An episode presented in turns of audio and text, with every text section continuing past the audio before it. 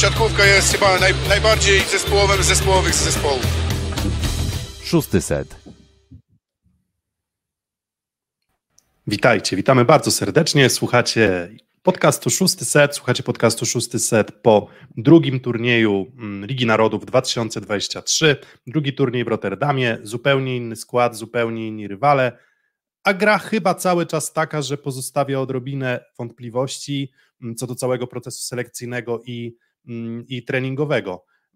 Dlatego zastanawiam się i zastanowimy się razem z Kubą, czy w ogóle o tym turnieju w Rotterdamie można mówić w kontekście jakiejś tam selekcji i czy w ogóle można mówić o jakiejś obiektywnej selekcji i to nie chodzi tylko o to, czy ta obiektywna selekcja to jest selekcja i wybory Grbicza, ale czy jesteś w stanie na przykład zapewnić e, wszystkim graczom bardzo zbliżone warunki, żeby tę formę, formę dobrą zbudować i pokazać siebie z najlepszej strony właśnie pod kątem tych, e, tych dużych e, imprez. Więc ze studia w Warszawie wita Was dzisiaj Piotr Złoch. I z innego studia w Warszawie Kuba Lewandowski, bardzo mi miło. Mamy nadzieję, że nas słychać dobrze, mamy nadzieję, że nic się nie ścina. Tutaj Adam Kuśmierski, czy, czy tylko u mnie ścięło? Mamy nadzieję, że wszystko jest w porządku. Dawajcie znać, jeżeli nie jest w porządku, jeżeli nie słychać nas dobrze, to tradycyjnie mm, prosimy o jakiś komentarz, to postaramy się to wszystko, mm, wszystko skorygować.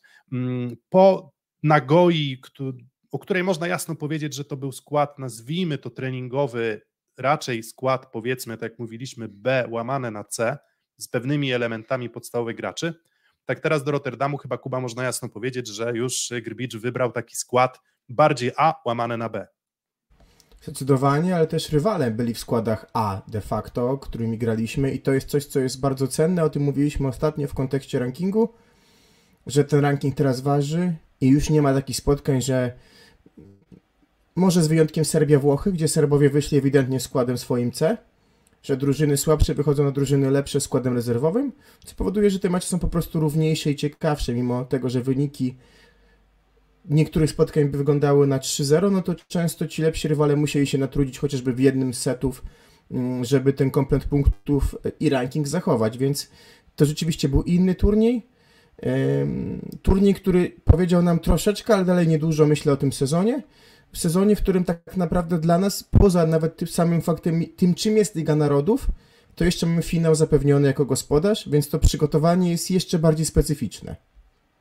Mm, właśnie i coś, co bardzo mnie jakby zastanowiło i to jest w ogóle pierwszy wątek, który chciałbym poruszyć, zanim przejdziemy do, mm, do, do oceny takiej indywidualnej, oceny całej kadry, mm, kadry Grbicza, gdzieś tam tego, czy w ogóle wierzymy w proces, bo w tym momencie jest trochę tak, że to, co widzimy na boisku, każe nam zadawać pytania, zresztą tak było dokładnie w zeszłym roku też, że każe nam to zadawać pytania o mm, proces i czy my wierzymy w to, że ten proces prowadzący do dobrej formy w VNL-u, dobrej formy na Mistrzostwach Europy i kwalifikacji na Igrzyska Olimpijskie, no i powiedzmy czołowej dwójki w każdym z tych turniejów, no bo to jest powiedzmy jakieś tam pewnie nasze, mm, nasze marzenie.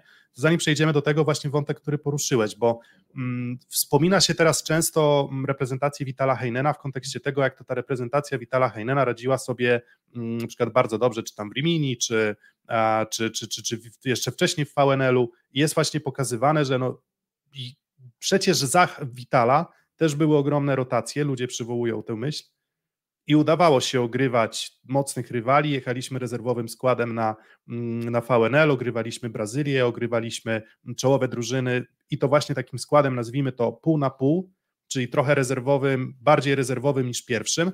Mm, no to teraz pytanie, czy to nie jest trochę tak, że w, przynajmniej w kontekście tych spotkań ze słabszymi drużynami, to może słabo przygotowana reprezentacja Polski, taka sklejana na kolanie, nawet z Kurkiem, nawet z Leonem Bednożem, może po prostu, jeżeli ci zawodnicy nie pracują ze sobą przez, nie wiem, dwa miesiące, trzy miesiące, to może taki jest po prostu poziom naszej reprezentacji w smaganiach na przykład z Holendrami, czy Niemcami, czy Bułgarami, czy Irańczykami, którzy trenują w zasadzie pewnie jedną siódemką od samego początku przygotowań, już drugi pewnie miesiąc, tak? Pytanie jest bardzo zasadne, bo też te czasy Heinena 2.19 y, zupełnie na drużyna pojechała do Chicago, ale drużyna, która trochę sobie popracowała, po drugie skład tej drużyny. Dzisiaj to jest prawie fundament naszej kadry, tak? Bo to był Kwolek, Fornal, Bednosz, ok, komenda Janusz na rozegraniu, y, Maciek Muzej bodajże na ataku, y, Nie, przepraszam, Muzaj nie był na ataku. Muzaj był, yy, przygotowywał się do eliminacji. Nie pamiętam, kto był na ataku. Kaczmarek. No więc to, to, to nie była taka słaba kadra i generalnie to też był, tak jak powiedziałeś, zespół, który wcześniej sobą trochę grał. Tutaj trafiamy w różny cykl zawodników, różny sezon zawodników, w różnym momencie dołączyli. Już był Bednosz, który grał do 20 maja, Leon też grał do końca maja, e, versus e, chociażby Szymura, który przygotował się z tą kadrą już bardzo długo, mm, Zatorski, który kończył niewiele szybciej, o, Grzesiu Łamaci Firley, którzy byli prawie od początku zgrupowania. Różna forma zawodników e, i dołączamy te elementy, które indywidualnie wyglądają pewnie na top 20 na świecie, na swojej pozycji, jak nie wyżej, ale to na ten moment jakoś specjalnie nie funkcjonuje. Inna jest sprawa, że chyba powoli widać, że ten system, który chce zaproponować drużynie e, Nikola Grybić, to nie jest system taki jak Francuzi, jak Włosi, że to będzie system bazujący bardzo mocno na side-outie i na wykorzystaniu największej siły ofensywnej, jaką mamy w nowoczesnej, w dzisiejszej siatkówce, bo myślę, że co do tego, że taką największą siłę mamy, wątpliwości nie ulega. Oczywiście każdy powie, ok, Zaksa grała inaczej, no ale albo gramy szóstką Zaksy, bo taką możemy de facto zagrać, bo do, dokładamy osoby, które grały w Zaksie 20, do, 21, 22 i 23 i mamy szóstkę, i albo gramy nimi, no albo jednak dokładamy inne elementy, chociażby Bartka Kurka, który jest kapitanem tej drużyny, no i musimy już grać trochę inaczej.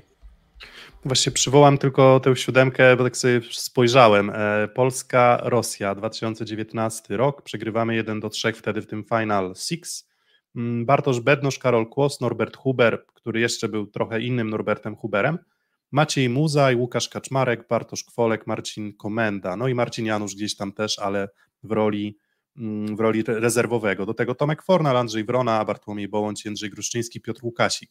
Więc taka drużyna, no jakby tak jak mówisz, solidna, no ale jednak no, nie było tam Kurków, nie było Leonów, mm, nie było wtedy Kubiaka, tak, bo nie było Piotrka Nowakowskiego, więc szereg tam zawodników powiedzmy podstawowych, traktowanych jako ci wyjściowi, ich nie było.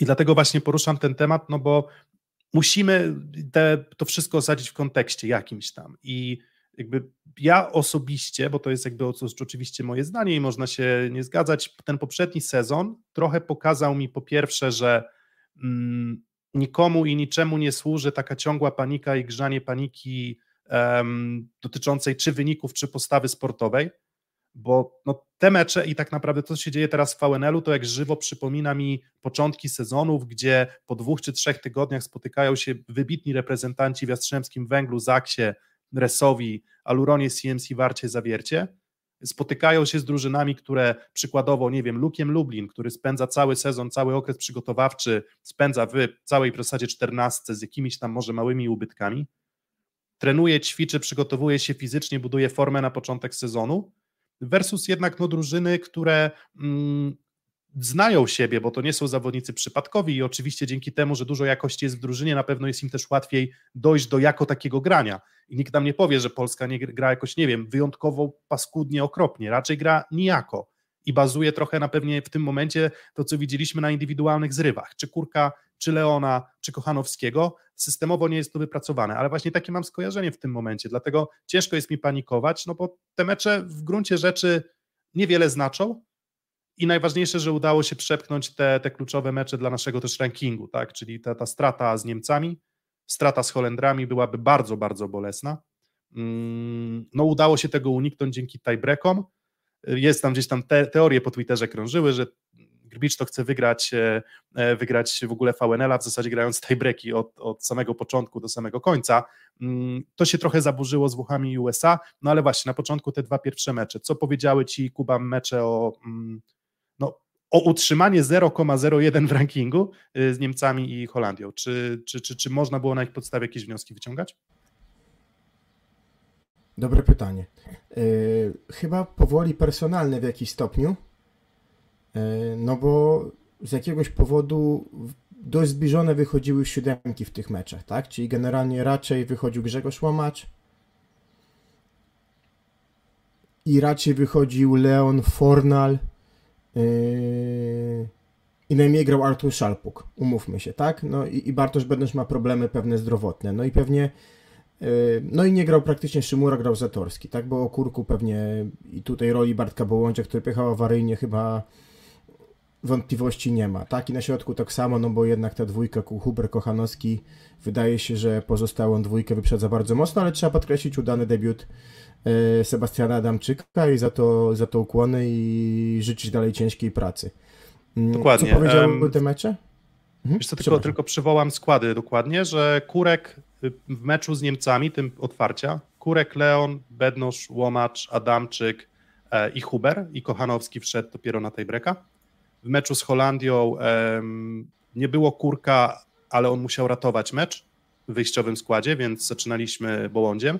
Nie było Leona od początku, ale on też znowu musiał ratować mecz, więc też trochę założenie pewnie miał Gbicz inne, że może uda się tym takim wyjściowym zestawieniem na Holendrów Kochanowski, Fornal, Urbanowicz, Szalpuk, Bołądź i Firley szarpnąć, a tutaj sytuacja wymykała się spod kontroli, więc zgodzę się, że jakby co do zasady większość, najwięcej setów w tych dwóch meczach właśnie rozgrywała ta wyjściowa siódemka, w cudzysłowie, nazwijmy to, czy tam wyjściowa ósemka licząc Fornala łamane na Bednoża, no ale tak, to tylko chciałem tytułem do powiedzenia, że właśnie z tą Holandią było tak, że gdzieś w trakcie meczu mm, Kurek, Leon musieli ten mecz odwracać, no bo on znowu się nam, znowu się nam wymykał. Na pewno mówi to, co już mówiliśmy sobie wcześniej. Polska C, bo takim składem de facto wyszliśmy na Holandię, nie ogra Holandii i nie ogra pewnie żadnego top 15 rankingu bardzo prosto, szczególnie, że kapitalną pracę wykonuje Roberto Piazza. Wiem, że w trakcie meczu Serbia-Holandia już miałeś gotowy plan na cześć Roberto. No ten y, brak wykorzystania tych piłek meczowych y, w końcówce z Serbią, chociaż nie mieli żadnej w górze, no spowodował, że jeszcze są jakieś emocje, natomiast drużyna sformułowana bardzo fajnie, ciekawie. Andringa, który jest kapitalnym, umówmy się, zawodnikiem z tyłu i, i zgodził się taką rolę. Y, Keming, który jak ma momenty, kiedy umie powystawiać czy porozgrywać, y, co nawet było widać w meczu, kiedy zszedł y, Nimir, więc nie dało się tego ograć. Co powiedział mecz z Niemcami? Na pewno to, że bardzo wątpliwe jest moim zdaniem wykorzystanie w jednym momencie na boisku pary Bednosz-Leon, bo jakby nie wiem, czy są spotkania, w których taka para może się przydać przy topowych naszych rywalach, którzy mają zróżnicowaną zagrywkę. I to jest kwestia, mhm. która trochę budzi wątpliwość, bo nawet jeżeli Bartosz Bednosz rzeczywiście wykonał kolosalny progres przyjęciu i nie odstaje tutaj jakoś szczególnie od pozostałych kolegów, włączając oczywiście Leona, y, no to dalej nie wydaje mi się, że to by była para, która mogłaby zagrać w jednym momencie wobec się, ze sobą, chyba że byłby jakiś katastrofalny problem w ogóle z jakością lewego skrzydła, które miałoby efektywność ujemną, tak? To może wtedy. I to mm, pewnie tak, ten mecz w sensie, pokazał. Ja, ja, ja trochę nie kupuję tego paradygmatu, bo wydaje mi się, że to już jest archaiczny, archaiczny pomysł na siatkówkę, że um, postawimy świecę i będzie ok. Wydaje mi się, że to może byłoby prawdziwe i może było prawdziwe 8 lat temu, 10 lat temu, czasy, nie wiem, właśnie Zenitu, Kazań, chociaż też jest trochę upraszczany Zenit Kazań, bo tam e, ten z Leonem Michajłowem, Andersonem, bo, bo oni też potrafili bardzo dobrze grać defensywie i bardzo dobrze pracować blokiem, ale powiedzmy takie Trentino, Juan Torena, Kazijski. Kazijski, Sztok. I, I Sztok. I w zasadzie, czy tam, czy, czy, czy ktokolwiek tam wtedy, wtedy był, chyba Leandro Vizotto też gdzieś tam się wtedy przywijał. Tak, tak. Stawiasz, stawiasz wysoką piłkę, masz Rafaela, mało powiedzmy mm, wyszukanego rozgrywającego, raczej takiego sterowanego trochę właśnie w stylu Marcina Janusza, więc no generalnie taka wizja z takim przyjęciem słabym, no moim zdaniem, tak jak mówisz, um, no ten mecz, wiadomo, że to jest tak, że znowu czepiamy się pojedynczych spotkań bo nie wiemy, ile oni pracowali ze sobą na treningu. Nie wiemy, no chcesz próbować wszystko, tak? Fornal Leon, Fornal Bednosz, wszystkie kombinacje, mm, kombinacje możliwe. Mm, I, I mówię, i czepiamy się tych pojedynczych spotkań, bo tak naprawdę nie mamy czego innego, czego się czepić. Tak? Nie widzimy do końca, jak to wygląda, e, wygląda na treningach. Natomiast jeżeli ocenilibyśmy to na tle rywala zagrywającego, tak powiedzmy sobie, średnio na jeża, czyli Niemców, no to to nie działało po prostu. No tak, i, i to myślę, że był wniosek z tego spotkania, że to nie jest do końca para, na którą możemy wychodzić na jakieś spotkanie, przynajmniej w naszej ocenie. Potwierdził to mecz z Amerykanami, po prostu, do którego pewnie sobie za chwilę przejdziemy. Natomiast mecz z Holandią, co pokazał? No to pokazał to, że Fornal Leon to już jest jakaś para, która może mieć przyszłość. Jako, nie wiem, jedna z dwóch, bo rozmawialiśmy sobie też o tym wewnętrznie, że siatkówka już dzisiaj jest schematami i że ćwiczysz te schematy i dlatego to jest tak ważne, żeby tą mm, siatkówkę w taki sposób, a nie inny grać, żeby generalnie mieć yy, utarty schemat, czy pewną siódemkę do grania, no tak jak Włosi, tak, tam ewentualnie rotuje drugi środkowy, u Amerykanów jakie mamy realnie zmiany? No też środkowy i, i może Dżeszki, tak, E, więc y, do tego sprowadza się tak naprawdę siatkówka, tak samo było z Zaksą, z Jastrzębiem, że to były raczej pewne siódemki. Nikola Grbić staje przed, moim zdaniem, historyczną szansą posiadania dwóch, czwu, dwóch par przyjmujących. Dwóch równych siódemek. Dwóch par przyjmujących, które może wprowadzić w jednym momencie. I to jest chyba klucz tego, co on musi wykonać i chyba ja przed nim taki cel trochę stawiam, żeby te dwie pary przyjmujących mogły wchodzić równocześnie pod kątem danego rywala. Nie wiem, jak ty uważasz. No, w sensie, bo ja mam, ja mam troszeczkę tak i obserwując, y, nazwijmy to, i wypowiedzi mm, ekspertów, i wypowiedzi dziennikarzy, i wypowiedzi fanów, i gdzieś tam komentarze, że mam wrażenie, że się ciągle miotamy. Mówię, miotamy, bo jakby staram się unikać tego i staram się od tego odizolować, ale człowiek nie jest w stanie tego w pełni zrobić. Bo tak, to o czym mówiliśmy na samym początku, w kontekście tej selekcji, wydaje mi się, że nasza słuchaczka Arwena napisała fajny post na forum siatki, strefy siatkówki, w kontekście właśnie tego, jak jest z tą selekcją, że, że właśnie zapewnienie takich obiektywnych warunków jest niemożliwe i my chcielibyśmy, żeby Grbicz przetestował wszystko bo chcemy, żeby Firleja zbudował, no bo Firlej potrzebuje doświadczenia i potrzebuje ogrania. Chcemy, żeby zbudował jednocześnie podstawową siódemkę, no bo przecież ta siódemka musi się zgrywać, ta siódemka będzie grać. Kto będzie w tej siódemce? No to chcielibyśmy przetestować, że może Forna Leon, może Leon Bednosz, może wszystko. I z jednej strony mamy trochę opory przed zaakceptowaniem tego, że przy takim poziomie rotacji to po prostu nie może działać dobrze, a druga, a druga strona medalu jest taka, że, że, że jednocześnie chcemy i zgrywać podstawową siódemkę i rotować. I, szuk, I dawać szansę wszystkim zawodnikom, żeby Grbicz optymalnie wybrał, ale jednocześnie każda ta decyzja, którą wybierze Grbicz do końca pewnie nikogo inaczej nie będzie zadowalała wszystkich bez wyjątku. I to powoduje, że właśnie jesteśmy tacy rozchwiani, no bo to wiecie, albo rotujemy i akceptujemy to, że te rotacje będą wpływać tak, jak wpływają na grę, przy czym te rotacje mają swoją stronę uboczną taką, że one w zasadzie powodują, że drużyna jest rozchwiana. I czy to jest obiektywne, to jak na przykład oceniamy Bednoża i Leona, czy to jest obiektywne spojrzenie na to, jak Bednoż i Leon wyglądają w parze albo wyglądaliby po trzech miesiącach grania, no to możesz wypracować system gry pewnie taki, w którym, nie wiem, dorzucając Marcina Janusza, ten Bednoż i Leon jakoś by funkcjonowali. Ale no właśnie to, to, to, czego chcemy w zasadzie, tak?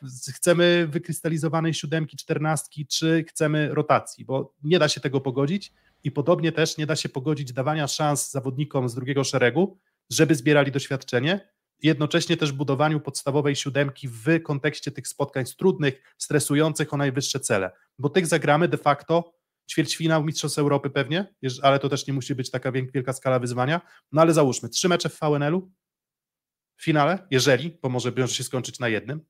Potem trzy mecze w Mistrzostwach Europy i w zasadzie na tym turnieju kwalifikacyjnym to o takim dużym napięciu, no to może ta Argentyna, ale też ta nasza grupa nie jest jakaś bardzo wyczerpująca, więc albo w jedną, albo w drugą i to się tyczy właśnie każdego z nas tak naprawdę i ja osobiście uważam i tak dochodziłem do tej myśli długo, że po prostu Grbicz musi się zdecydować na kogoś.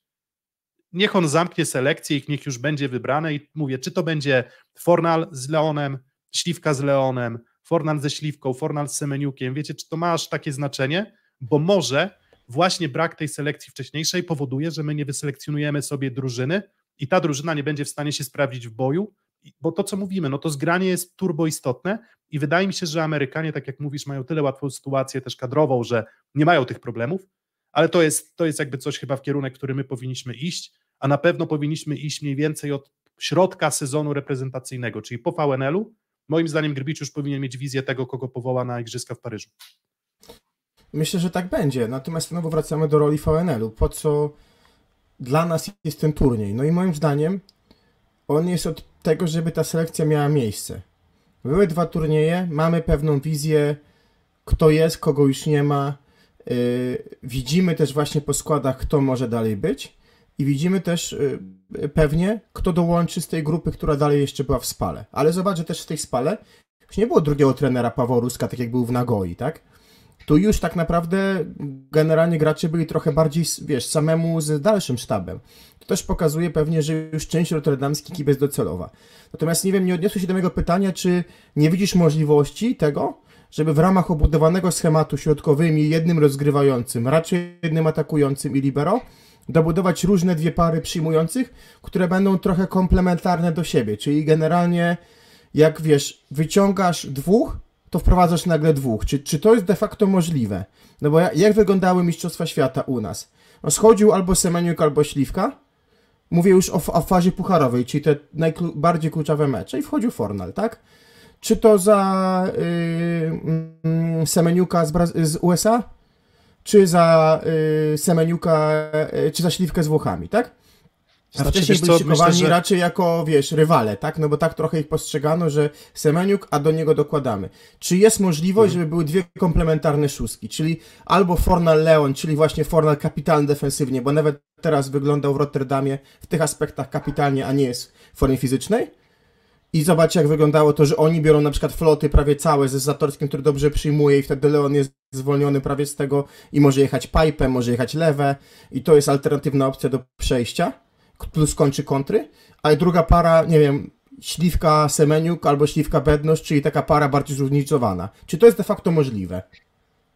To znaczy, osobi... znaczy tak, zadałbym to pytanie raczej trenerom, jakby kimś, to tak naprawdę zdaje sobie sprawę z tego, bo mówimy o tym takim jednym żyjącym organizmie, który jakby mówimy, jakby i taka jest idea pewnie trochę, wiesz, tej siatkówki na najwyższym poziomie, w sensie tak trochę ja to osobiście e, postrzegam, czyli no masz synergię i masz trochę już takie telepatyczne porozumienie pomiędzy zawodnikami, bo wiesz, że ktoś zagrywa w taki sposób, to piłka po przyjęciu może pójść w to miejsce, więc ktoś blokuje rzetelnie, więc jakby zaufam mu, żeby stanąć w tym miejscu, więc obronię, i tak dalej, i tak dalej. Wszystko się ze sobą mm, zazębia. I osobiście patrzę na to trochę w kontekście mm, godzin treningowych. Czyli jeżeli chcesz zrobić coś takiego, to jak tak naprawdę miałyby wyglądać treningi? Ile czasu miał być tak naprawdę na pracę taką, żeby zapewnić wszystkim kombinacjom tych graczy właśnie taki, taki poziom tej takiej synergii i pewnej telepatii. Mm, I moim zdaniem się tego nie da zrobić po prostu. W sensie, w sensie wydaje mi się, że raczej wstawisz jednego zawodnika, właśnie, więc te pary moim zdaniem mają sens, czyli, no nie wiem, no będzie dajmy na to śliwka Fornal i to będą ci tacy kleje, spoiwo drużyny, tak, tak że, że to taka będzie ich rola. No i mamy dwóch pozostałych, czyli mamy Leona, strzelam i kogoś tam, nie wiem, powiedzmy Semeniuka czy Bednoża, no i oni będą pełnić funkcje tych bardziej ofensywnych. I zamienienie jednego, jakby uważam, że w siatkówce raczej dość rzadko się spotyka sytuacje, gdzie na przykład na przyjęciu byłaby rotacja dwóch zawodników. Może ona wynika też po prostu ze słabości składów, może nikt tego nie przetestował, ale wydaje mi się, że Grbicz nie jest osobą, jest raczej trenerem konserwatywnym, bym powiedział, i raczej bym się tego nie spodziewał, czyli raczej siódemka i w razie potrzeby zmiana na pozycji kogoś, kto akurat w danym momencie zawodzi. Widzieliśmy to na Mistrzostwach Świata. Czego zadałem pod... tobie, Piotrek, to pytanie? Przepraszam, że ci przerwę, bo jest podwójna zmiana rozgrywająca atakujący, czyli wprowadzasz dwa inne elementy w pewnym momencie na boisko, tak? Moim zdaniem te dwa to nie jest, wiesz, 3-5, dlatego myślałem o tej dwójce, że właśnie to jest spotykane na podwójnej zmianie rozgrywający, atakujący. Mhm. Wiesz co, no z jednej, z jednej strony tak, ale z drugiej strony no jest też trochę tak, że nagle od razu wchodzisz dwójka gości do przyjęcia się zmienia, więc nagle libero musi się odnajdywać w systemie przyjęcia z dwójką nowych ludzi, więc w zasadzie każde przyjęcie może być już wtedy troszeczkę trudniejsze, bo, bo, bo, bo wiemy, że te zmiany po prostu gdzieś potrafią potrwać, zanim one w ogóle przyniosą efekt, a czasem nawet nie zdążą przynieść efektu i trener już, e, już zawodnika, zawodnika zdejmuje, więc trochę taka dyskusja filozoficzno-hipotetyczna na temat tego, jak mogłaby wyglądać siatkówka przyszłości, na ten moment ciężko jest mi sobie wyobrazić właśnie taki schemat i trochę Vital mam wrażenie, że próbował to robić. I wydaje mi się, że za Vitala było najbliżej właśnie czegoś takiego, o czym ty mówisz, czyli, e, czyli w tym takim najlepszym momencie Vitala Heinena, gdzie on się nie bał postawić właśnie na rotację, postawić na młodszych, to wtedy wyjęcie tych dwóch, trzech ogniw nie przeszkadzało. I widzę tutaj właśnie, że Kaniowski pisał um, na czacie, bo czytamy wasz czat oczywiście, um, o Brazylii. Um, że Brazylia rotuje i można. Tyle tylko, że Brazylia ma cały czas Talesa łamane na Majkę czy Majkiego, który w zasadzie mm, gra od deski do deski, więc powiedzmy ten libero jest w miarę stabilny. Większość gra Lucarelli, większość gra Alan, większość gra Bruno, większość gra Flavio i teraz dołączył Lukas. Czyli w zasadzie ten, ten, ten szablon drużyny, gdybyśmy my mieli taki szablon, że mamy Janusza, Zatorskiego, Kurka i nie wiem, Kochanowskiego, czy Kochanowskiego z Bieńkiem, to myślę, że wtedy nawet ta para na przyjęciu, to już mogłoby, można byłoby na tym budować i wyglądałoby to ciutkę lepiej. No ale mówię, to są takie debaty, wiesz, filozoficzne trochę, na zasadzie, czy będziemy mieli wystarczająco dużo czasu, jednostek treningowych, czy da się to zrobić dobrze. Osobiście raczej jestem wyznawcą siatkówki, w której no masz jednak podstawową siódemkę, tak jak mówisz, plus dwa. Siódemka, trzeci przyjmujący, może podwójna zmiana i zadaniowa na zagrywkę i, i myślę, że, że tyle. No i my stoimy przed wyzwaniem z takim potencjałem kadrowym, że generalnie no limits, ale właśnie limitem jest czas. Natomiast wracając, kończąc już chyba wątek Niemiec i Holandii, on na pewno pokazał, że para Fornal-Leon może funkcjonować. I, um, dokładnie, e, dokładnie. Nie, nie, nie, wiem, czy ty jesteś Fornalo wyznawcą? Ja nie byłem. Ten sezon, w którym popracował z Mendezem, myślę, że bardzo go ukształtował jeszcze bardziej jako zawodnika. I to jest dla mnie postać, która jeżeli mam wracać do drużyny Heinena, no to on jest bardzo zbliżony do Kubiaka, jeżeli chodzi o umiejętność gry w defensywie. Nawet nie wiem, czy nie jest tym lepszy. A y, szczytowy Kubiak co miał? Umiał kończyć. I Fornel też kończy. To nie jest gość, który bardzo mocno odstaje, tak? To jest no tak, no. rzetelny człowiek w ataku, który na przykład, zobacz, mieliśmy problem z, przy z Włochami, przy 23-20 mieliśmy ogromną przewagę w czwartym secie, tam 27-14, Włości się zbliżyli, próbował zagrać Janek Filley po swojemu, szalonego pipa, był punkt, ale przejście trzy, linii trzeciego metra. Kto dostał piłkę od łomacza, żeby skończyć? Fornal na 24-20 i skończył. Moim zdaniem nie ma dyskusji o tym, czy Tomek Fornal powinien być 14 czy nie, bo to jest dla mnie oczywiste i gdyby go nie było, to byłbym szalenie zdziwiony. Mhm. Mm, tak, no właśnie, bo w kontekście nawet tej selekcji wyborów na poszczególne spotkania jest trochę tak, że mm, no, że pytanie, no, czy coś nam mówi na przykład to, że z tych czterech spotkań i tych setów rozegranych, żebym dobrze policzył, maksymalnie 18, 5, 5, 4, 4, prawda? Bo tam ze Stanami wygraliśmy seta, wygraliśmy. Nie. Nie, 0-3, 0-3, 17, 17 setów. Włosi nam y, wyrwali jednego seta. No to wygląda na to, że Bednosz grał tak raczej nie, niedużo, tak mi się wydaje, w sensie, że, że oczywiście problemy zdrowotne i tak dalej, więc teraz może sobie do, znowu dorabiamy ideologię, bo wiecie, w zasadzie do wszystkiego, co mówimy, można sobie dorobić ideologię i dlatego my próbujemy rozkminić właśnie Grbicza i zrozumieć, e, zrozumieć to, co, mm, to, jakie on ma w ogóle, nie wiem, no, przeświadczenia albo przesłanki w kierunku podejmowania jakichś tam decyzji.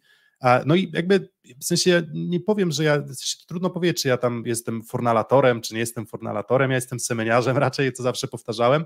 Um, natomiast no, muszę przyznać, że no chyba um, na pewno widzę synergię, jeżeli chcemy grać z Leonem, to wydaje mi się, że zawodnikiem najbardziej pasującym do grania z Leonem jest Tomasz Fornal. Nie wiem, czy do takiego zdania też podchodzi Gbicz, no bo dochodzi też jeszcze kwestia mentalna, on tam bardzo mocno wierzy jakby w śliwkę też jako taki właśnie spoiwo i nie tylko takie w stylu, no nie wiem, no tak to próbował tłumaczyć w zeszłym roku, czy to tłumaczenia mnie przekonywały przez większość sezonu kadrowego? Pewnie nie. Przekonały mnie może dopiero na Mistrzostwach Świata na sam koniec, w zasadzie od, od, od ćwierćfinału, bo dopiero wtedy Olek, mm, Olek odpalił, no ale on dowodzi w ogromnych meczach. Mm, no i to też trzeba brać pod uwagę właśnie, czy, ta, czy jest chemia pomiędzy zawodnikami. I ogólnie pomiędzy Fornalem a Leonem, jak obserwowaliśmy te, te, te mecze, czy te okazje, w których on wychodził, to uważam, że o tej chemii można mówić i raczej była pozytywna. Ani Fornal na przykład źle zaczął, ale potem wrócił do meczu, mm, udawało się odciążać Leona, na, na, na, przyjęciu, ta zmiana mm, w meczu z, z Holandią, bo to właśnie też będziemy trochę o tych indywidualnościach, czy przemycamy te myśli, no to to była zmiana, która mi tak powiedziała, że jeżeli zastanawiamy się pomiędzy Leonem a Bednożem, to fajnie by było, żeby Bednosz chociaż jeden mecz zagrał na takim poziomie w reprezentacji, jaki teraz pokazywał Leon, a Leon już takich spotkań kosmicznych, że wchodzi i tam w zasadzie wszystko kończy, um, rozegrał już naprawdę kilka, więc, mm, więc nawet z tego punktu widzenia warto mu pewnie zaufać. No ale tak trochę krążę dookoła. E, Fornal plus Leon, tak, uważam, że to ma rację bytu. Trochę też y, będąc adwokatem diabła, Holandia to nie jest rywal topowy, nie? I jakby ten turniej, bo, bo, były te dwa mecze i potem przed mecz z USA, który był meczem bardzo smutnym. To znaczy pewnie to, co ty powiesz, pokazał, że jaka jest różnica między zgranym systemem, nawet graczy nie w topowej formie jeszcze, no bo Amerykanie myślę, że nie są w jakiejś wybitnej formie, a systemem niezgranym, gdzie jeszcze rozgrywający nie jest wybitnie dobrany do tej pary, która jakby ma, lubi dostać dokładną piłkę, tak powiem. Mhm. I Yy, czy to w ogóle nie jest tak, w tych całych naszych rozważaniach, że będąc byłym rozgrywającym, trener Bić dopasował system, czy chce dopasować go najbardziej do rozgrywającego. A co jest największym atutem Maciejanusza? To jest zupełnie inny zawodnik niż Gianelli. Zobaczmy, Gianelli na, z tymi Włochami, którzy ok, z nami przegrali, ale pozostałe mecze wygrali 3 do 0. Gra też niedokładnie. No ale co zrobi Gian, y, y, Micheletto czy Lewija? Kiwnie nabije na blok, poszanuje, jak nie zaatakują, to postarają się blokiem. Nieźle gra do Romano, który lubi szybkie piłki. Zaatakuje sobie z drugiej piłki, zrobi dwa asy, y, ale przy tym na skrzydła wystawia źle. Albo średnio, umówmy się, szczególnie teraz będąc w słabej formie. Marcin Janusz jest kompletnym przeciwieństwem, ale tak jeden do jednego jest kompletnym przeciwieństwem, tak? Gra dokładnie do skrzydła. Nasi zawodnicy, którzy są, powiedzmy to w wielkim uproszczeniu, armatami, uwielbiają takie piłki. I mówię, co przemyca z wywiadów Grbić, że pojedzie inny rozgrywający na Filipiny i tam mówił o Leonie i tak dalej, o um, Bednożu, o ich grze na ciężkich wystawach, że to trochę nie jest wytłumaczenie, a trochę jest. No więc pojedzie Marcinianusz i chcę zobaczyć naprawdę, jak będą wyglądał, będzie z nim wyglądał Leon, bo przecież Bednoż w lidze z dokładnym Januszem wyglądał momentami kosmicznie. I to jest moim zdaniem może klucz tych wszystkich rozważań, że może właśnie Nikola Patrzy ma takiego rozgrywającego, który będzie pierwszym rozgrywającym grającym 99% czasu i mamy grać pod niego. No bo będzie. No bo, no bo, no bo będzie, no bo kto, kto, w zasadzie, kto w zasadzie inny. I, no i też przykre, znaczy tak, w ogóle nie wiem, czy widzieliście mm, gdzieś tam odpowiedź chyba agenta mm, Marcina Komendy, czyli właśnie Kuby Malkę, na Twitterze, że on mówi, że Marcin Komenda na uniwersjadę będzie jechał. Więc um, wydaje mi się, że też trochę zamyka temat tych rozważań dotyczących drugiego rozgrywającego. Na zasadzie gdzieś tam mówiliśmy, że może to jednak być Marcin, że może jakiś tam plot twist jeszcze się wydarzy, mm, ale wygląda na to, że to raczej wybór pomiędzy Firlejem a Łomaczem, czy w zasadzie pomiędzy Łomaczem i może Firlejem. No i to cały czas zgrzyta. I znowu, no też na zasadzie, jak rzetelnie ocenić rozgrywających, gdy Łomacz z Firlejem nie trenowali na przykład z Kurkiem i Leonem, pojechali do Nagoi, wracają z jetlagiem, odpalają w Rotterdamie kilka treningów, czy tam wcześniej w, w Polsce jeszcze kilka treningów z tymi zawodnikami, nie mają w zasadzie okazji do zgrania i my będziemy ich oceniać, czy oni są dokładni, czy, czy precyzyjne piłki rozgrywają mm, Kurkowi, Leonowi, Bednożowi, e, których w ogóle nie było na mm, nie było w Nagoi. I, I mam z tym pewien problem, bo właśnie mówię, jakby to wszystko każe mi myśleć, że to w zasadzie nie ma znaczenia dla selekcji. Na zasadzie można byłoby sobie dowolnie rotować i to nie wiem, jak nie wiem, do jakich wniosków jesteś w stanie dojść w sytuacji, w której wrzucasz zawodników na taką karuzelę, karuzelę personalną. No bo mówię, no jak rozgrywającego ocenisz? No w sensie rozgrywający, jeżeli nie jesteś Deczeko, albo nie wiem, kto tam jeszcze z takich magików e, historycznie mógł być, może Bruno, no to, to, to, to, to myślę, że ta, ta dwójka. W miarę. Tak, myśl, tak, ale to myślę, że ta dwójka wchodzi do swojej drużyny i po dwóch, trzech treningach jest w stanie um, umiejętnie obserwować, czego potrzebuje zawodnik i do, do, po prostu dopasowywać mu piłkę. Um, tutaj tego nie było, natomiast więc dlatego w tych ocenach Łomacz, Firley, Mm, byłbym ostrożny z dwóch powodów, właśnie dlatego, że po pierwsze będzie grał Marcin Janusz, więc w sumie jakie to ma duże znaczenie, bo może żadnego. I raczej trzeba się modlić o postawę Janusza, no bo wydaje się, że odstawił tych zawodników po prostu naszych z konkurencji w Polsce o dwie długości. no a nawet jeśli, no to może jednak nie są aż tak słabi, jakbyśmy teraz chcieli ich obserwować, natomiast trzeba przyznać, że niektóre rozegrania były fatalne po prostu, w sensie to nawet nie były piłki, z których można było spróbować splasować, tylko czasem po prostu trzeba było piłkę przebić na drugą stronę.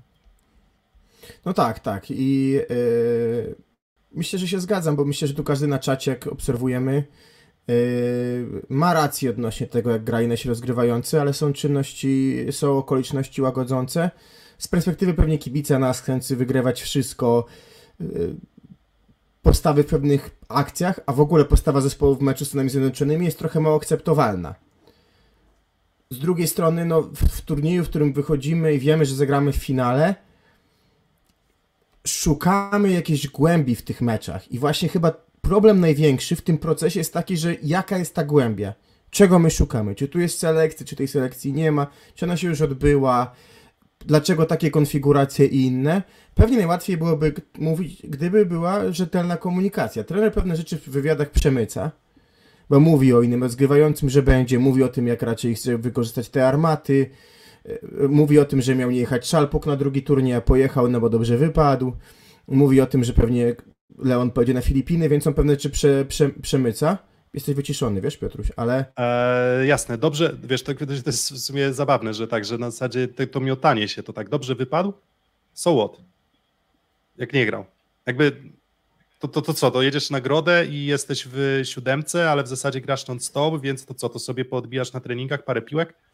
E, jako taki trening uzupełniający i w zasadzie jesteś gdzieś tam do rotacji, to nagroda nagrodą, wszystko wszystkim, no ale jak mamy dawać nagrodę komuś, to, to może ktoś młody na, na czwartego przyjmującego i jakby okej, okay, super, jakby też myślę, że to odpowiedziało na pytanie, że Szalpuka raczej nie zobaczymy w kluczowych meczach i w kluczowych turniejach tego sezonu, ale no jakby to też jest dla mnie takie mm, to jest chyba główny problem, jaki ja mam właśnie z Gbiczem, że jakby on sobie niech podejmuje decyzje takie, jakie ma, ale to, co mówiliśmy na początku, proces dochodzenia do tych decyzji jest dla mnie taki nieintuicyjny, tak to nazwę.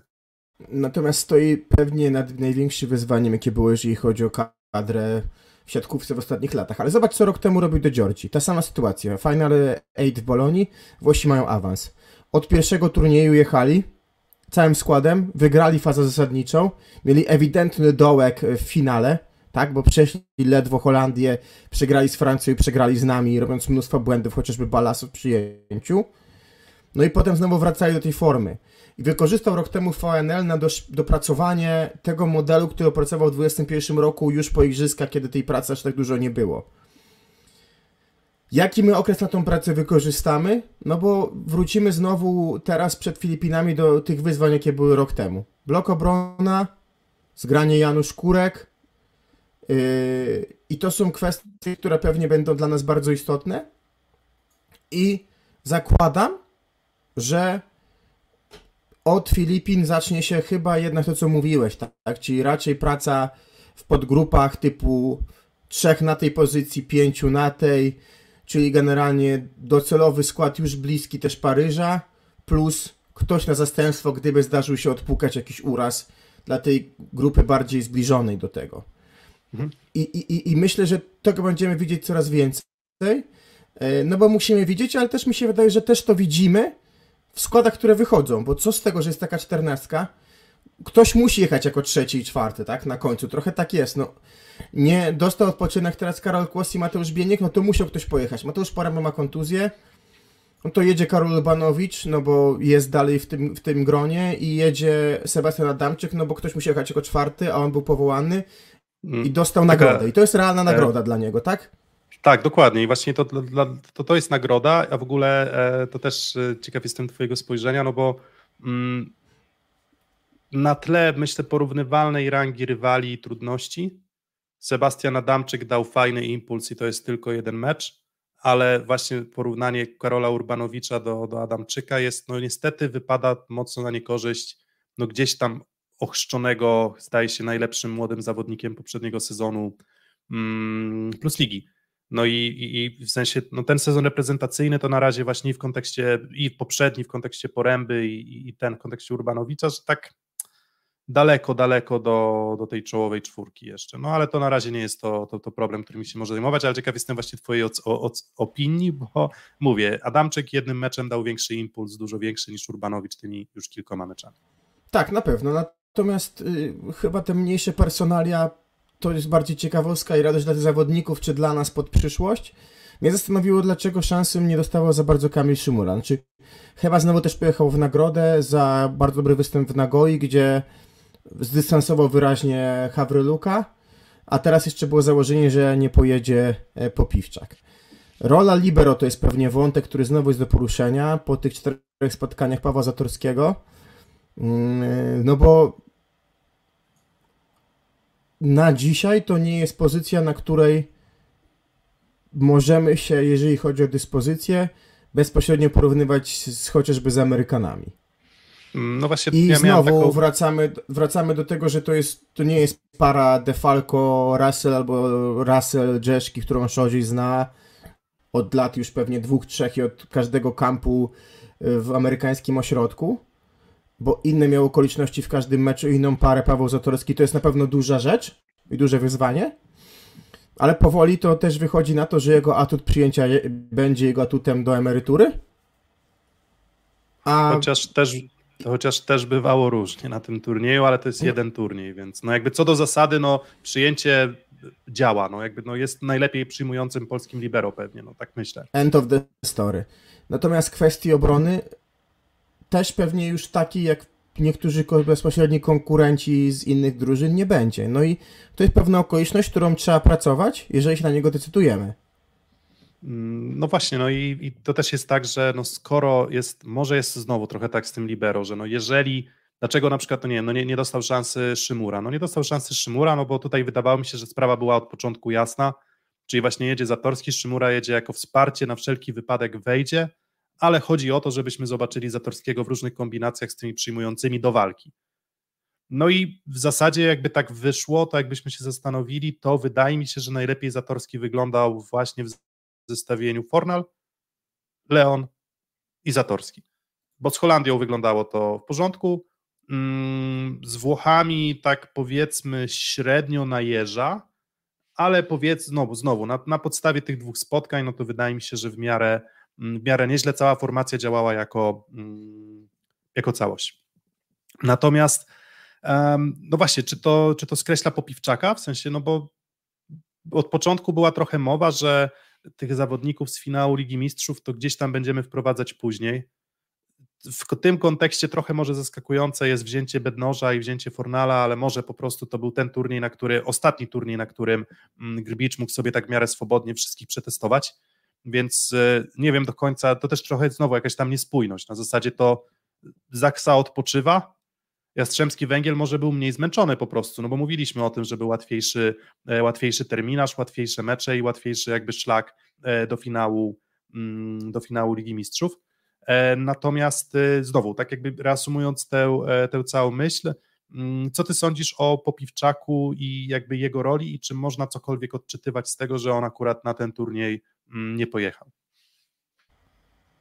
Ciężkie pytanie w tym kontekście, że rzeczywiście założenie było takie, że oni odpoczywają, natomiast pewnie, tak jak powiedziałeś, była, jest konkurencja na przyjęciu i trzeba było już to sprawdzić pewnie w Rotterdamie, ale sprawdzamy to pewnie z drugim rozgrywającym. Yy, czy Popiwczak jest realną alternatywą w głowie Nikoli Grbicia? Nie wiem. W ubiegłym sezonie nie grał dużo. Nie grał dużo w VNL-u, mówił już o finale.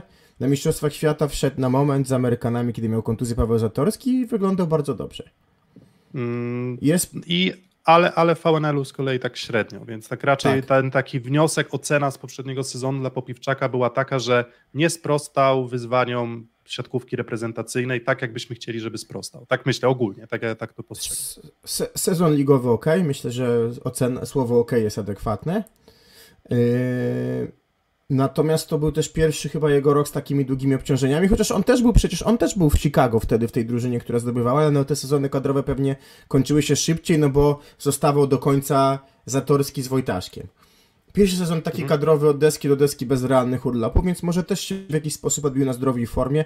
To są takie informacje, które pewnie najlepiej wiedzą siatkarze. No i teraz na pewno na Filipiny pojedzie, na pewno pojedzie z Pawłem Zatorskim. No i jest pytanie, czy rzeczywiście dostanie szansę w jakiejś konfiguracji.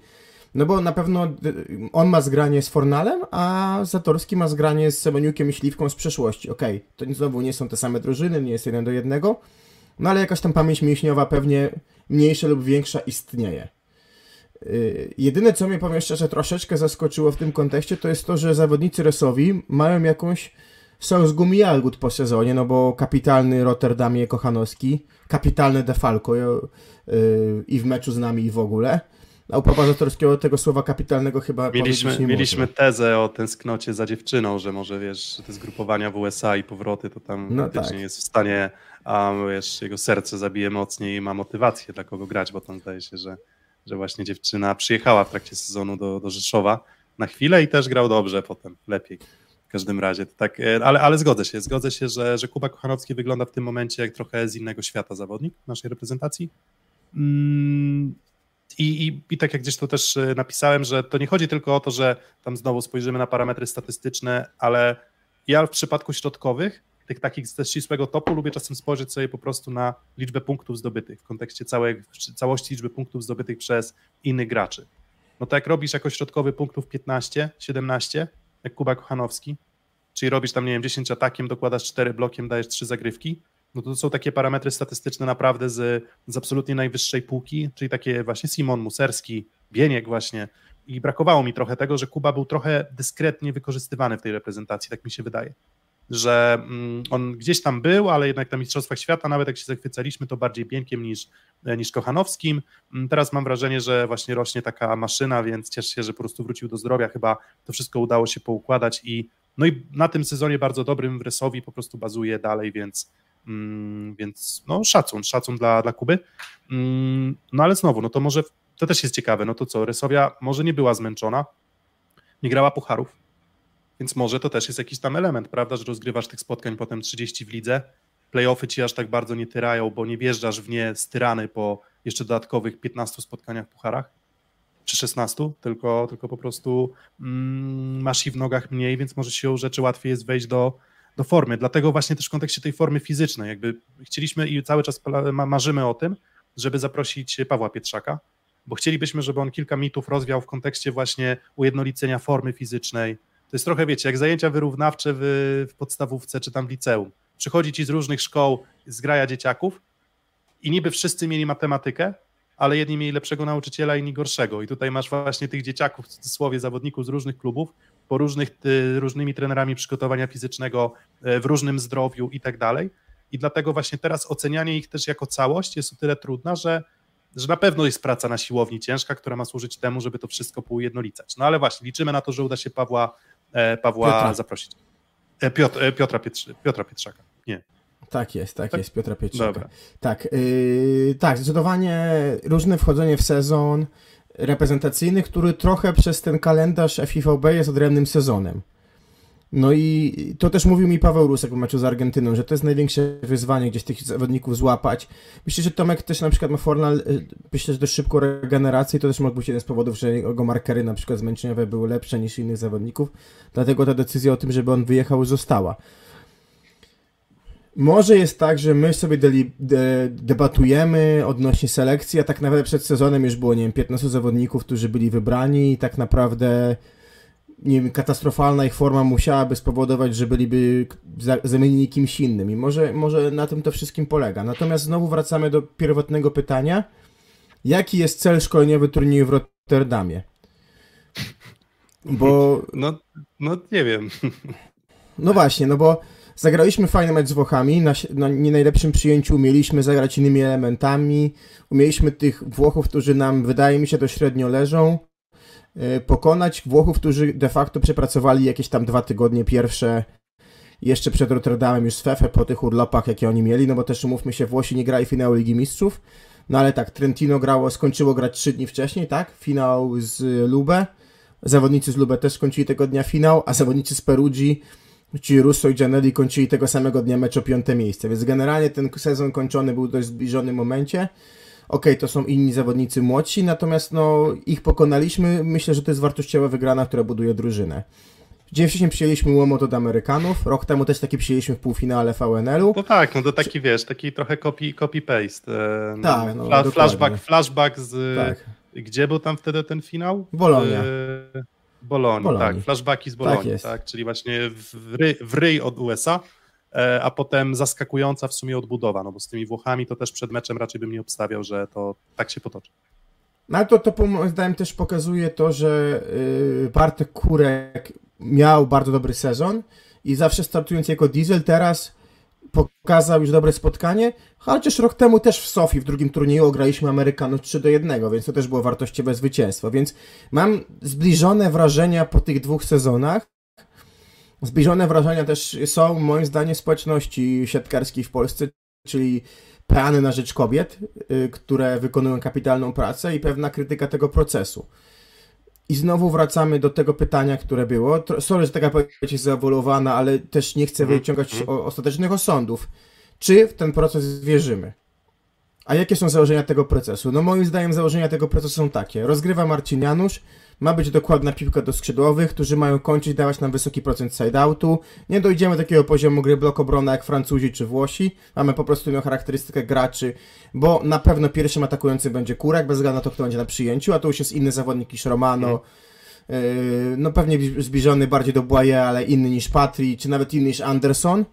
I to już jest pierwsza rzecz. Mamy na rozegraniu gościa turborzetelnego, ale gościa, który raczej nie jest rozgrywającym ofensywnym, czyli nie, nie kiwa. Zagrywka jest bardziej techniczna niż siłowa. Blok niezły. I mamy środkowych Raczej- ofensywnych, których Przy dobrym przyjęciu będziemy uruchamiać, ale tego dobrego przyjęcia tak dużo nie będzie raczej. No jasne. I mamy bardzo Tak dobrych jak, tak jak było w zeszłym sezonie. Tak, no i mamy bardzo dobrych ofensywnych środkowych, którymi możemy wygrać mecz. Widzę mecz z Amerykanami, który kapitalnie poprowadził Grbić, wykorzystując przewagę fizyczną Bieńka nad Smithem i Kochanowskiego nad Dżendrykiem. My zagraliśmy w tym meczu środkiem tak wiele razy, że to środek nam wygrał ten mecz. Więc mamy tak naprawdę zawodników turboofensywnych i rozgrywającego, który jest dokładny. I moim zdaniem na tym będziemy budować grę. Nie ma co się łudzić, że będziemy na poziomie bloku obrona, jak Włosi, Francuzi, czy nawet czy Japończycy, którzy są w ogóle na ten moment pewnie trochę innym materiałem, nie są tak dla nas bezpośrednim rywalem, tak bym powiedział. No tak, no i do tego, i do tego dokładamy, dokładamy gdzieś tam element zagrywki, czyli mocna atakująca zagrywka Kochanowskiego, mocna atakująca zagrywka Bieńka, mocna atakująca zagrywka Leona, mocna atakująca zagrywka Kurka, e, flocik Janusza i, i, i lecimy tak naprawdę. I I hybryda jakaś drugiego przyjmującego, tak? No tak, i... dokładnie.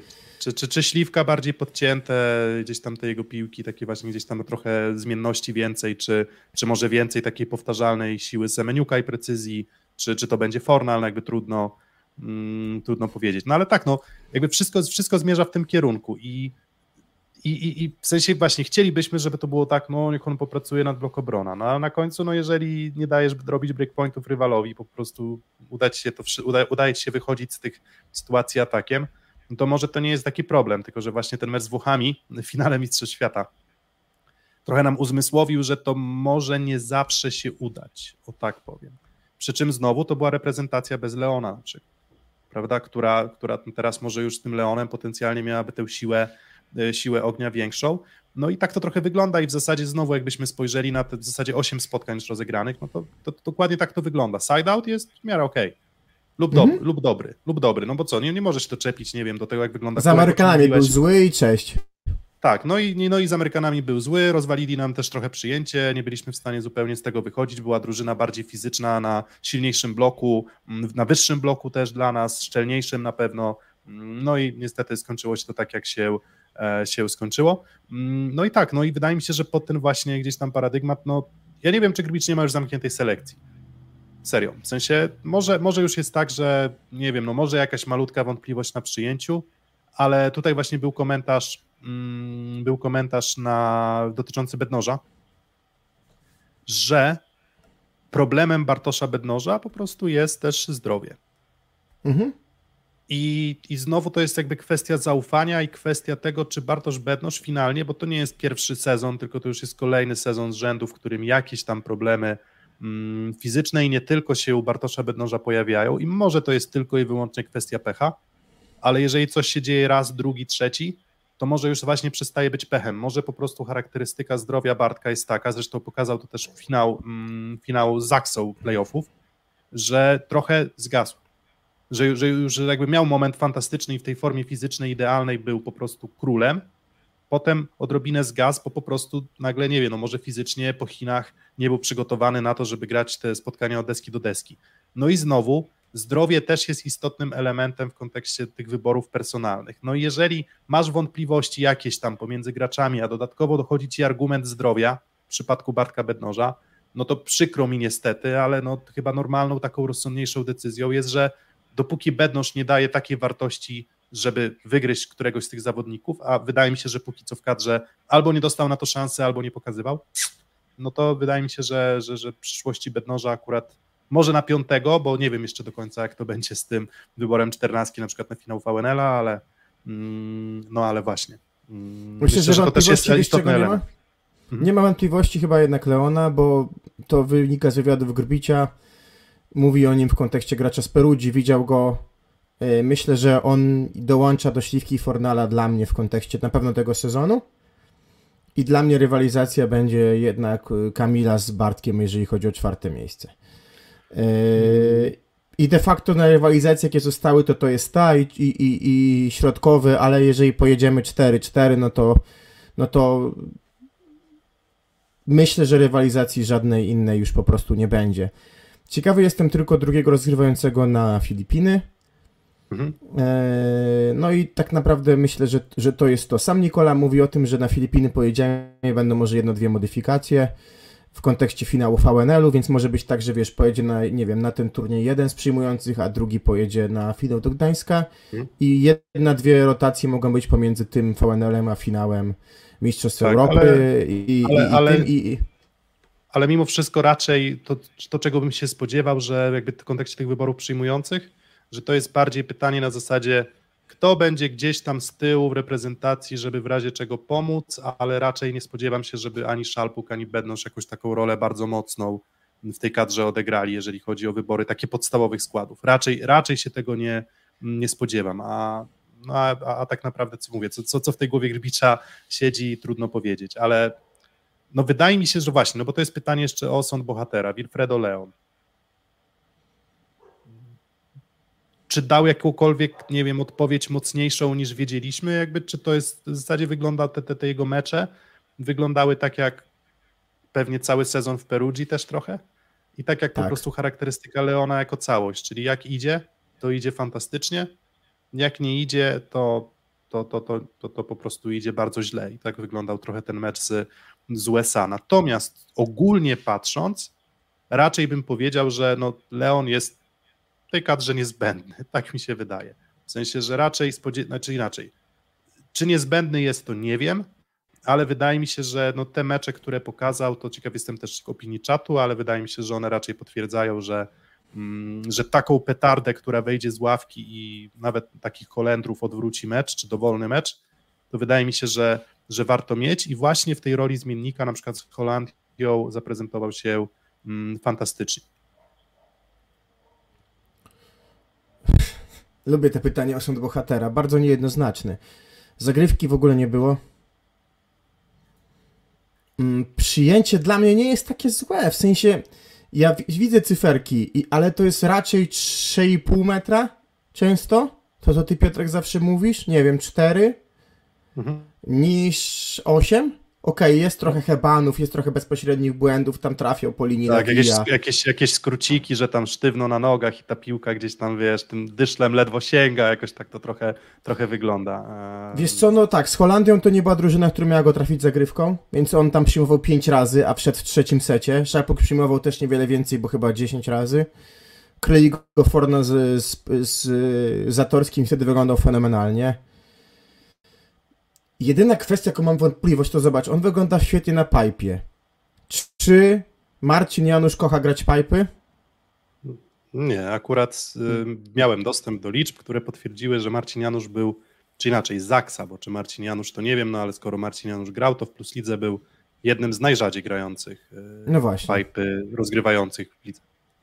No właśnie, i to jest tak. dla mnie pytanie. Znaczy, ja na pewno nie skreślałbym go pod tym turnieju. Ja bardzo chcę go zobaczyć z Marcinem Januszem, naprawdę bardzo, bo może to jest tylko moje złudzenie obserwatora, ale też to widziałem już w Płocku, jednak będąc na hali. Dobrze wystawiona piłka do Leona, to jest 30% więcej szans na skończenie akcji niż źle wystawiona piłka do Leona.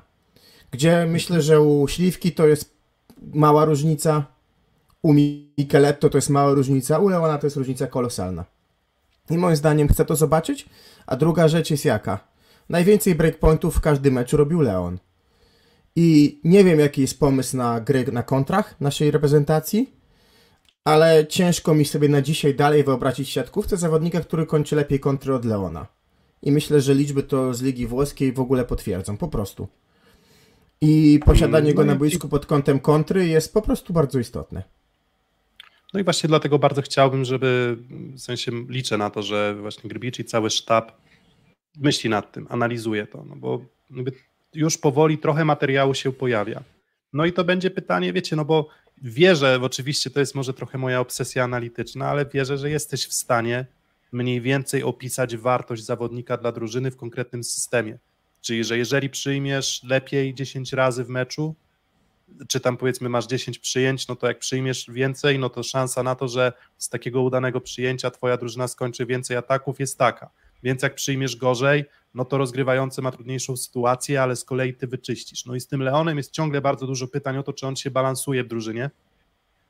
No ale wydaje mi się, że w tej wizji, o której ty opowiadałeś Grbicza, czyli side-out, to moim zdaniem się balansuje, no i wydaje mi się, że też balansuje się najbardziej w kontekście właśnie pary mm, na przyjęciu obok, żeby stał Fornal i, mm, i Zatorski, bo właśnie już ze Śliwką i z przyjęciem mm, z przyjęciem właśnie w tym tercecie, to już miałbym trochę obawy, bo z Semeniukiem wyglądało to słabo w zeszłym sezonie i raczej było takie dość, może nie dramatycznie złe było to przyjęcie, ale tak jak wspominaliśmy, trzeci, czwarty, piąty metr w dużej mierze a, a z Leonem nie będzie dużo lepiej, więc jakby trudno jest mi wierzyć w to, że nagle Śliwka z Leonem i Zatorskim będą funkcjonować lepiej na przyjęciu niż Śliwka funkcjonował z Semeniukiem i, i Zatorskim w, e, w poprzednim sezonie. Mm, no dobra, no to co, tak już odpaliłem ankietę na samym początku, 156 głosów, już 159. Jaka ocena dla reprezentacji za VNL w Rotterdamie? Mm, no to tak, 3% głosów dają piątkę i chyba nie, 38% dało czwórkę, 55% trójkę i 4% dwójkę. No i to takie, chyba tak też było po tej Nagoi, jak odpaliliśmy ankietę, że, że właśnie takie, takie 3 plus, czyli wynik dobry, może nie, jakby to jest tak, przygotowałeś się do sprawdzianu, może nie wszystko potrafiłeś, ale pytania ci odrobinę podpasowały, jesteś inteligentny i masz duży potencjał jakby swój, nie wiem, intelektualny i w sumie jesteś w stanie odpowiedzieć na to po prostu swoją rozkminą, jakością właśnie. I tak trochę nasi zawodnicy wyglądali, że właśnie swoją jakością potrafili z trudnych sytuacji wychodzić, więc ja się z tym 3,5 zgadzam.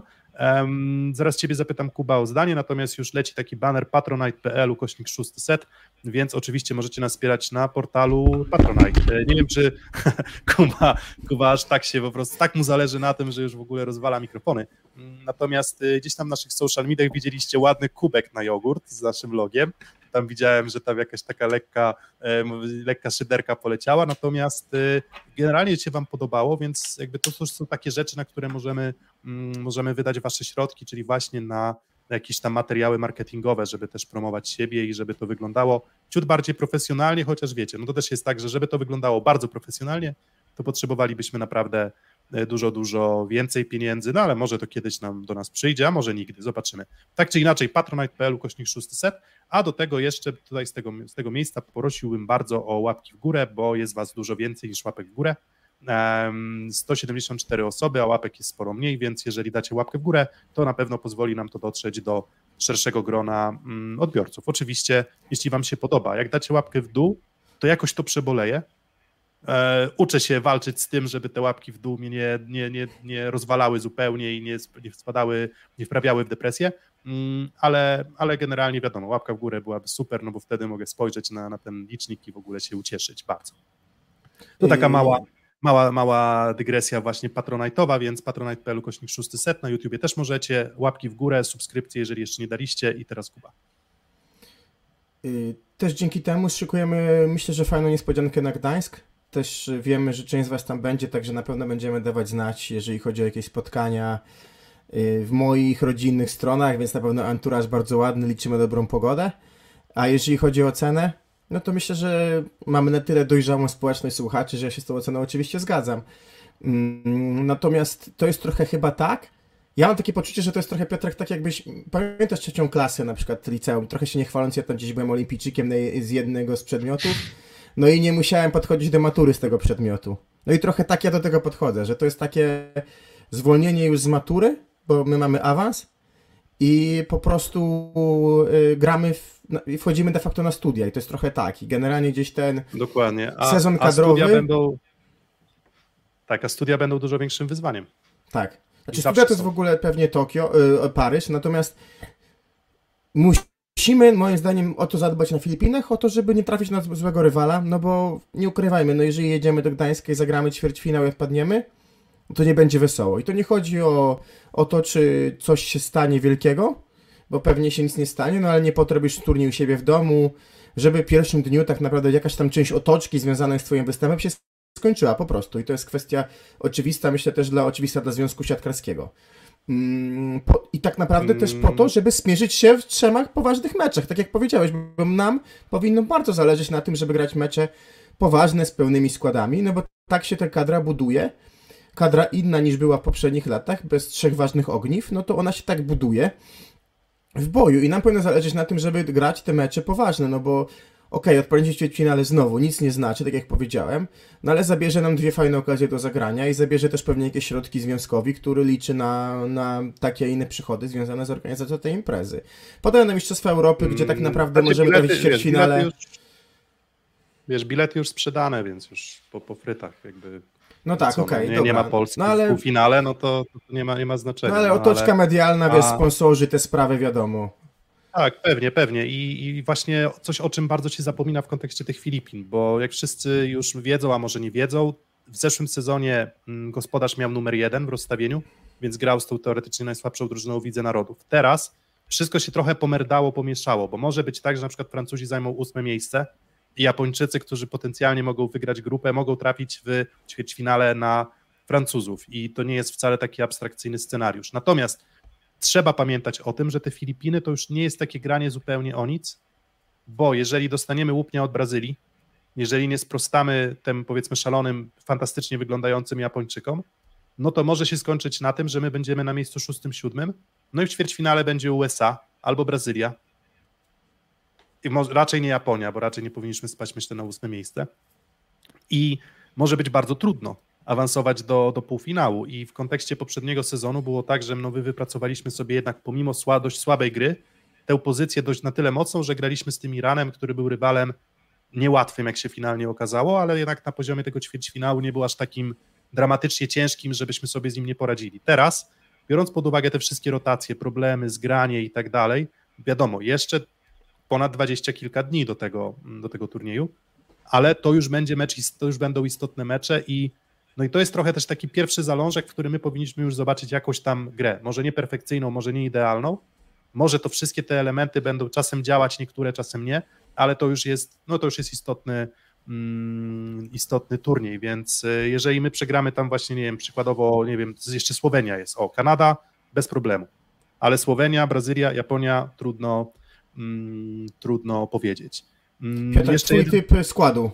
Może zapytam cię, A, twój typ składu. no, będę mało odkrywczy, czyli stawiam na no, Ja- Janusz Łomacz oczywiście, mm, Kurek Kaczmarek oczywiście, bo już, już Kaczmarek do, wróci do, do składu. Mm, Zatorski oczywiście, Kochanowski, Bieniek, Huber i Kłos. Już, tak, czyli już, już ta czwórka. Mm, No i na przyjęciu na pewno Śliwka. Myślę, że na pewno Leon. Na pewno Fornal. I ja osobiście stawiam jednak na Semeniuka. Mm, No czyli i przy takim- Popiwczak. tak, i, i Popiwczak na drugiego libero. I, I mało odkrywcze, ale szczerze przyznam, nie wiem, czy, e, czy, czy może być e, odkrywcze.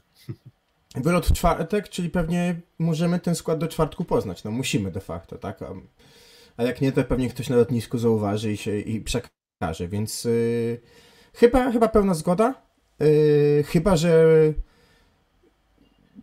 ptaki czy informatorzy ze spały donieśli o tym, że, że, że, że Kamil się jeszcze nie odbudował na tyle, ile, ile się spodziewano, tak? Ale wydaje mi się, że, że, że, że, że tak i to też jest ciekawy dla mnie wątek y, tak szerokiego składu, który trafiał do spała, a jednak tak naprawdę dwóch, trzech, czterech zawodników za dużo tych szans do gry nie dostało, ale no to wiadomo, do spały w sumie może i płać 40 zawodników tak przed sezonem i, i może to mu pomóc w jakości treningów i to chyba jest kluczowe.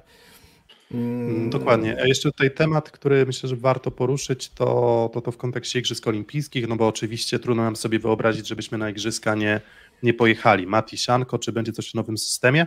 Mm, no to tak, nowy system wygląda tak, że będą to już nie dwie grupy po sześć drużyn i te takie mhm. dziwne e, serpentyny, które potem powodują, że gospodarz miał grupę łatwą, więc potem w konsekwencji e, w ćwierćfinale mm, ten, kto trafiał do grupy z gospodarzem miał trudne wyzwanie i nie był, tak było na przykład Polska-Francja, że nie byliśmy pewnie do końca przygotowani, może mentalnie w 100% na ciężary grania z, z tak mocną i tak okrzepniętą już drużyną. Więc teraz mają być to mm, trzy grupy po cztery drużyny. Nie wiemy jeszcze, czy tam będzie system losowania serpentyna, czyli po rankingu będzie to szło Francja, Polska, Brazylia, znaczy czekaj, bo teraz patrzę na ranking, jak, tam, jak to teraz ty, sprawdzałem potencjalne grupy. Jeżeli będzie to serpentyna, to na ten moment wyglądałoby to tak, dajcie mi dosłownie chwilę. Francja w grupie A, potem my jako lider rankingu w grupie B, potem w grupie C USA, USA potem dostaje Brazylię, my dostajemy Włochy, a Francuzi dostają Japonię, potem Francuzi dostają Argentynę, my dostajemy Słowenię, jeżeli awansuje, a, a, a ta grupa brazylijsko-amerykańska dostaje Serbię, więc teoretycznie możemy mieć grupę wcale niełatwą, bo, bo Włochy, Słowenia, mm, Polska i, i, i nawet trzecie miejsca mogą wyjść oczywiście, natomiast potem znowu te pozostałe grupy powodują, że nawet jak wygrasz grupę, to znowu możesz trafić na USA albo Brazylię. Czyli znowu możesz dostać paskudny ćwierćfinał, ale wydaje mi się, że ta szansa na takiego bardzo trudnego rywala już będzie będzie ciut mniejsza, jeżeli dobrze poradzimy sobie w grupie, więc to jest myślę dla nas na plus. No, y, zobaczymy co na żywo zobaczymy, tak? Za, za, za, za rok w Paryżu myślę, że igrzyska są dla nas oczywiste. Natomiast fajnie byłoby Mistrzostwa Europy zagrać lepiej niż za Vitala, bo te srebrne medale, nie ukrywam, mi bardzo ciążyły. Te dwa paskudne półfinały ze Słowenią były bardzo irytujące i, i nie, może oczywiście znacząco mniej niż niż y, mecz z Francją, ale były, były paskudne, nie będę ukrywał. E, więc na pewno na tym zależy i na tym zależy, żebyśmy jednak zaczęli się szykować do tych turniejów. Ja myślę, że może jeszcze, jakbyś pozwolił, Piotrek, parę minut o, o, o tym, co nam mówi w ogóle ta Liga Narodów o innych drużynach. Hmm? No to mm, generalnie na pewno promuje ranking i to jest myślę, że pierwsza rzecz jaka jest. Druga, pokazuje wąskość składu w kontra my. I teraz właśnie to też jest z naszej perspektywy najbardziej irytujące, tak, że te składy rywali są naprawdę wąskie, tak, i że nie jedzie Deczeko na przykład na mecz Polska-Argentyna i Argentyna wygląda ohydnie na przykład, tak, wraca Deczeko i wygląda zupełnie inaczej. Mm, co jeszcze pokazuje? Pokazuje to, jakie jest, tak jak powiedziałeś na początku, potęga przygotowania od początku Japończyków, tego samego składu, którzy są jeszcze w formie, bo w formie jest Takahashi, w formie jest Nishida, wyglądają fenomenalnie, potęgę zgrania Amerykanów bez formy i tak 7-1 i mogą w sumie jechać na kiedyś tam odpocząć po VNL-u pewnie, bo ich nie interesują pewnie za bardzo rozgrywki yy, kontynentalne. Yy, I pokazują dla mnie to, jak ciekawa będzie rywalizacja o ten ranking do końca pomiędzy bałkańskimi państwami, bo Serbia i Słowenia moim zdaniem to są zespoły na bardzo zbliżonym poziomie dzisiaj. Może Słowenia nawet jest wyżej, bo zgrana znowu właśnie z Kretu versus Serbowie, których Kolakowicz tam trochę odbudowuje, postawi wyraźnie Luburicia, świetnie gra Kujundzić, bez gwiazd, więc trochę pokazuje dla mnie z jednej strony to, jaki mamy komfort pod względem fizycznym, tylko że czy ta fizyka u nas, którą oszczędzamy zawodników po zajechanych sezonie ligowym, czy nie przełoży się na brak godzin treningowych? Mhm. Mm, nie no, oczywiście i dlatego też w kontekście tej oceny, tego jak sobie radzą poszczególne drużyny, no to ja też sprawdzałem. Japonia praktycznie ten sam skład, co na Mistrzostwach Świata. Praktycznie podstawowa siódemka chyba copy-paste. Um, USA praktycznie to samo, co na Mistrzostwach Świata, jest już Tuaniga zamiast Mikey Ma, mm, natomiast y, jest Anderson, jest Christensen, jest DeFalco, jest e, Russell, jest Shoji, wrócił jest Holt. Smith, jest Smith i wrócił mm, i wrócił Holt. Um, Brazylia, to tak jak gdzieś już poruszaliśmy, to też już ten szablon drużyny, mm, ten taki powiedzmy kręgosłup, już gra w zasadzie od samego początku, więc znowu jakby normalna, normalna sprawa, mm, że, że oni wyglądają dobrze, bo nawet jak mówimy, że może starzejący się, może nie tacy już świeżutcy ci wszyscy zawodnicy, ale cały czas jest tam bardzo dużo jakości i bardzo dużo jakości daje też Alan, co oczywiście mnie cieszy jako sympatyka AZS-u Olsztyn, że, że, że wygląda na to, że no zawodnik przyjdzie w dobrej formie. Jeżeli się tylko nic z kontuzją nie wydarzy, a gra od deski do deski i gra bardzo dobrze. Mm, Słowenia nie ma co prawda Wincicza, nie ma, nie ma Gaspariniego, goła siódemka, w zasadzie mm, rąbanie od A do Z i bardzo dobry Mozicz, więc tutaj warto, warto wspomnieć o nim, że, że on naprawdę w tym, w tym sezonie wymiata. Argentyna znowu, no nie ma Conte względem Mistrzostw Świata i nie ma Palaciosa, ale za to Paloński bardzo dobrze wszedł w rolę właśnie, właśnie tych przyjmujących i on tam raczej z Vincentinem, jeżeli dobrze pamiętam, mhm. gra, natomiast reszta drużyny poza De, chyba teraz będzie, tak, więc gramy z Sanchezem graliśmy, a nie właśnie z, z głównie, no ale to też znowu ten środkowi zostali, gdzieś atakujący zostają, wprowadzany Kukarcew, więc no ale co do zasady znowu wracamy do drużyny, która już grała ze sobą dość długo w podobnym zestawieniu, z małymi, z małymi elementami zmiany, no i widać, że Mendes to, to poukładał. Holendrzy jedna siódemka. Serbowie to tak jak mówiłeś, dużo rotacji, Francuzi dopiero wracają tej podstawowej siódemki, no i z Francuzami jest w ogóle ciekawy temat, bo ciekaw jestem, czy ty jeszcze wierzysz w ich awans, bo Nie. 4 mm, do 4 w tym momencie bilans ma mm, Holandia i Serbia, Francuzi mają 3 do 5, a przed nimi jeszcze, żebym się nie pomylił, mecze z mm, moment, e, Francja, z kim oni jeszcze grają? Grają z Iranem, grają z Serbią właśnie, grają z USA i grają z Niemcami, więc niby ten terminarz nie jest taki zły, no ale jednak i Holendrzy i Serbowie no mogą też tam te dwa, trzy mecze wygrać i to wcale, wcale Francuzi nie stoją na takiej preferency, preferencyjnych warunkach, jeżeli chodzi o... wróci w ogóle Erwę, bo mi się wydaje, że oni tym bardziej jakby mając na uwadze Paryż, jeden, jeden cel, myślę, że będzie zależało bronić tytuł u siebie, myślę, że oni no tą Ligę Narodów delikatnie mówiąc gwizdają, więc, więc czy będziemy w ogóle, mi, będą chcieli pewno zagrać lepiej, ale ja nie mam poczucia, że ta kadra jest przygotowana. Wie, widać bo jak rok temu byli przygotowani, kiedy zamietli tą Ligę Narodów, w ogóle ten finał był fenomenalny z Amerykanami, gdzieś tam Defalco przeniesiony na atak, naprawdę bardzo epicki mecz. Natomiast potem na Mistrzostwach Świata ta forma była średnia, umówmy się, Francuzów, a z drugiej strony finalnie odpadli z Mistrzami Świata, tak, po równym meczu, no ale Francja ma mental, to mieliśmy. Pytanie, czy to im się uda w tym sezonie zbudować formę, czy będą chcieli wygrać Mistrzostwa Europy, bo chyba to jest dla nich celowa impreza, umówmy się, tak? Więc to jest też mm, no ciekawe, jak to no. rozłoży no. Gianni. No Wiemy, właśnie, jak będą grali Włosi. O tym, wiesz, o tym trzeba, trzeba wspominać i o tym znowu, no wiem, że to tak jakby wydaje się być oczywiste, ale Filip ostatnio nam o tym przypomniał, że no Francuzi przecież mają awans na igrzyska.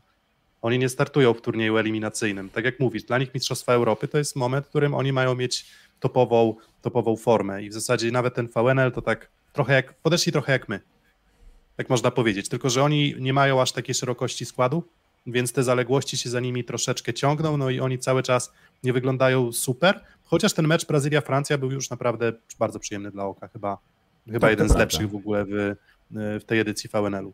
Dobra, to chyba no tutaj, i, tutaj... I tylko kończąc jedno zdanie, pominąłeś Włochów, no ale to jak oni wyjdą na pierwszy mecz Igrzysk, to możemy powiedzieć, Kwestia, czy to będzie na środku Galassi Russo, czy Galassi Anzani, czy Russo Anzani, a reszta jest oczywista.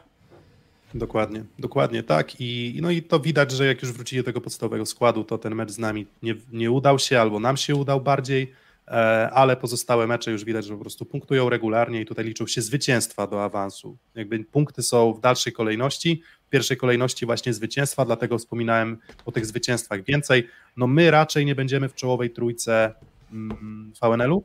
Raczej myślę, że nie mamy szans na wyprzedzenie Brazylii, USA i Japonii, bo to musiał naprawdę, musiałaby jakiś tam degrengolada zupełna nastąpić w tych drużynach i nie wiem, trzy porażki na przykład i jedno zwycięstwo. A my musielibyśmy z kolei wygrywać wszystko. Więc raczej spodziewałbym się, że gdzieś skończymy na tym miejscu 4, 5, 6. No i ten rywal będzie taki, powiedzmy, wcale niełatwy. Szczególnie, że tak jak mówię, Japonię raczej widzę wyżej. Mm, zobaczymy, zobaczymy, jak to wszystko będzie wyglądać. Natomiast te Filipiny myślę, że będą już bardzo ciekawe. No i tutaj już jest tak, że byłem, jestem cały czas cierpliwy, ale wydaje mi się, że to już jest ten moment, w którym można byłoby powoli zacząć oczekiwać już czegoś rzetelniejszego niż co zobaczyliśmy. Bo tak jak na tytule tego live'a, wyniki niezłe, a poziom gry no nijaki, chociaż niektórzy pisali na czacie u was, że byle jaki, więc, więc może, może właśnie ta lekka byle jakość była widoczna, natomiast no mówię, byle jakość, ale ciągle jakość, tak, ciągle ta indywidualna jakość w naszych graczach jest. Mm, no to co, chyba tutaj e, stawiamy kropeczkę. Dziękujemy za dzisiaj. 175 osób dotrwało do końca naszego live'a, więc jeszcze jedno, jedna odezwa do narodu szóstosetowego. Dawajcie lajka. Um, I oczywiście patronite.pl kośnik szósty set.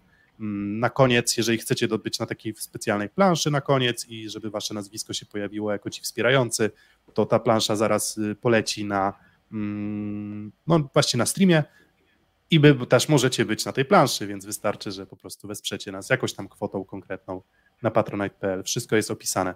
Mm, Denis jeszcze pyta, czy na turnieju finałowym Polska nie jest rozstawiona jako jedynka? Nie jest. W zeszłym roku była, ale w tym roku zasady zostały zmienione, więc y, możemy dostać no, naprawdę trudnego rywala już na etapie ćwierćfinału. Dziękujemy za dzisiaj.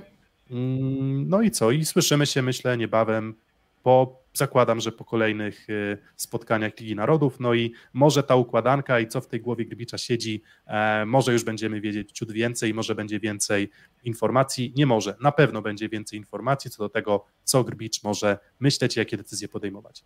Dzięki za dzisiaj i no i co, do usłyszenia i jesteśmy w tak zwanym kontakcie. Dziękuję ślicznie, papa. Dziękujemy, papa.